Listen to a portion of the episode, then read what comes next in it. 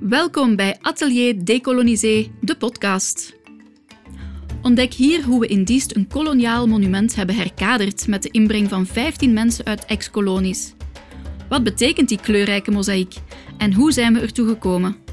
Ontdek in onze interviews hoe de kindertijd was voor een Belgisch meisje in Congo in de jaren 50 en de vreselijke gevolgen van de kolonisator in Angola, waar zoals in vele ex-kolonies de koloniale invloed nu nog doorwerkt in de levens van de bevolking.